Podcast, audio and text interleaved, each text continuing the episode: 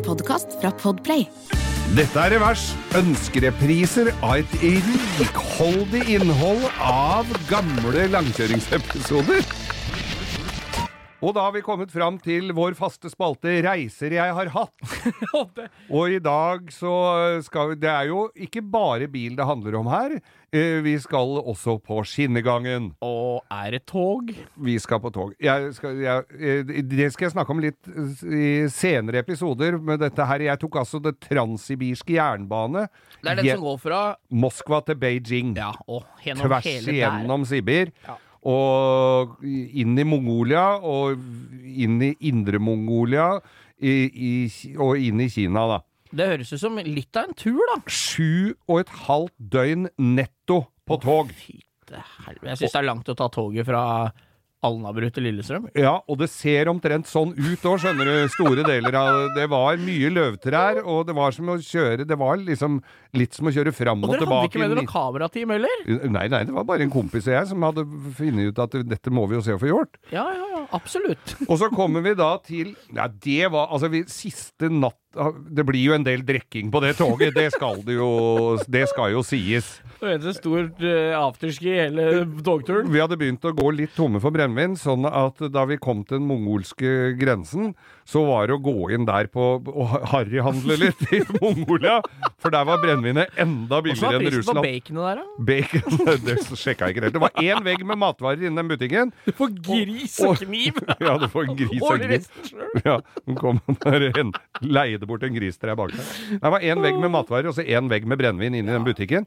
Og der opplevde jeg da uh, litt sånn eh, innvandrerrasisme på sitt sterkeste. For der vi ble ikke betjent i den butikken før den var helt tom. Nei, nei, Selv om vi kom først inn.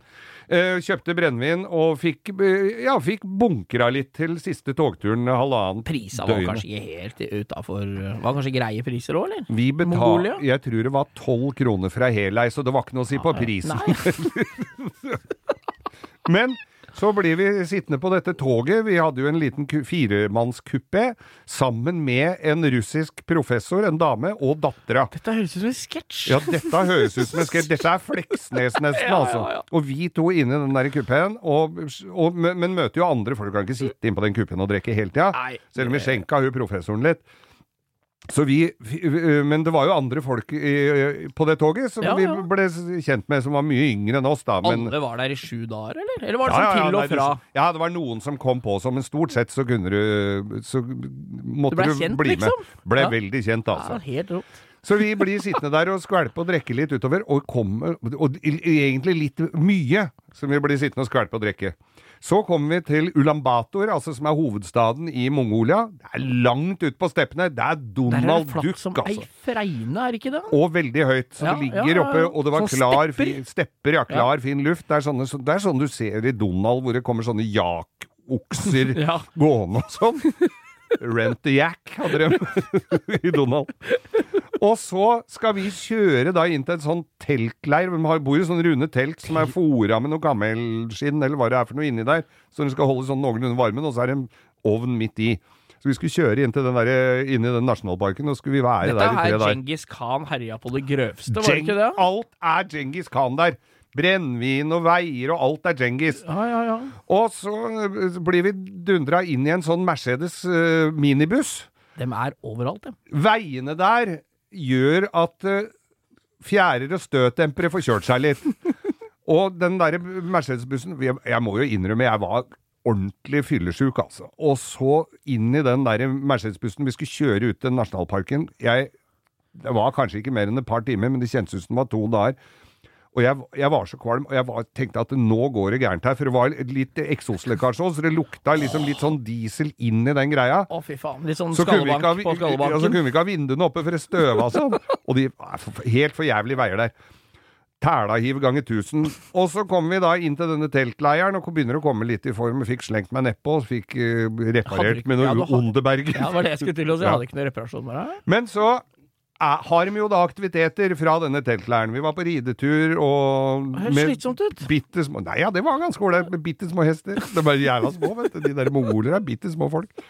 Så det så ut som de kjempehestene. Vi, vi kom opp der og skulle få de hestene, så hadde naboen i teltet ved siden av, han hadde Han var en svær brasa, en danske. Han skulle dra på ridetur med dattera si, som var en voksen dame, det òg.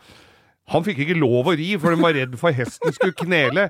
Og da jeg skulle opp så sto de og målte meg opp og ned før jeg fikk uh, access. Var det, oi, er det så skjøre hester i Mongolia? Faen, Nei, men, men det var jo bitte små, ikke sant? Sånn pinglete hester. De var jo vant med å bære sånne små brutte Sånne 42 mongoler.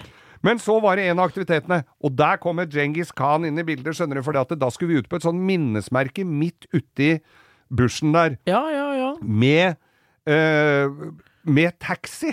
Og med taxi, ja. Ja, og det var altså Den var 35 meter høy. Statue av Djengis Khan på hest. Fornikla, eller sånn i, i sånn polert, uh, rustfritt stål, som sto altså Sånn som elgen! Sånn som elgen i Østerdal. Østerdalen! elgen oppe i Østerdal. Og den, og den, eh, den derre det lå altså så langt fra folk som du kunne tenke deg. Så måtte du ut på disse Han her bodde der, eller? Eller han hadde bodde vel overalt. Ja, Gud veit. Man hadde bare finne ut at den setter vi så langt fra folk det går an å få den. Ja, ja, ja. Og der var det sånn så du kunne ta heis opp i huet på hesten. Og det var digert, altså. ja, ja, ja. Og, og skulle opp der og se utover. Det var ikke noe å se utover der. Det var jo bare ørken. Det var jo ikke en dritt. Og så var det suvenirbutikk. For de er så opptatt av Guinness rekordbok. Alt er verdens største. ja, ja, Så det var verdens største ditt og datt og sånn som sto der. Det vi ikke kjørte ut der med, var verdens største bil. For det var nemlig en Toyota Yaris. Og hun derre hun, hun dama da, som var sånn bondekjerring, som ja. egentlig drev og holdt på med noen geiter og vaska tarmer og lagde yoghurt nede i et sånt telt. Hun, hun hadde funnet ut at ok, jeg kjøper meg en bil og bruker det og lager drosje. Hun var jo såpass smart, da. Istedenfor å kjøpe meg en leilighet inne i Ulan Bator, en liten Toyota Yaris. Den tjener jeg mye mer penger på enn den der leiligheten. Så vi blei stabla inn i den derre noe til årskommende Yarisen. Og dundra utover i absolutt verdens verste veier. Det er så dårlige veier der at det, eh, når veiene blir litt for dårlige, så tar de bare en sånn uh, Toyota firehjulstrekker og kjører opp et par striper på utsida, for der er det var bedre å kjøre utafor veien enn i veien der. Det var høl så du kunne har- se hjem. Jeg har faktisk noen kompiser som har kjørt det derre Peking-Paris-rally. Så jeg har Ja. sett noen bilder derfra. Da var det sånn én vei ut av byen. Og så når du ser oversiktsbildet, så er det 100 veier utover til hver side, så du kan velge sjøl. Ja, ja, ja, det er sånn. Du Ja. må velge veier, og det er ikke noe skilt. Så det var fint at hun kjørte, da.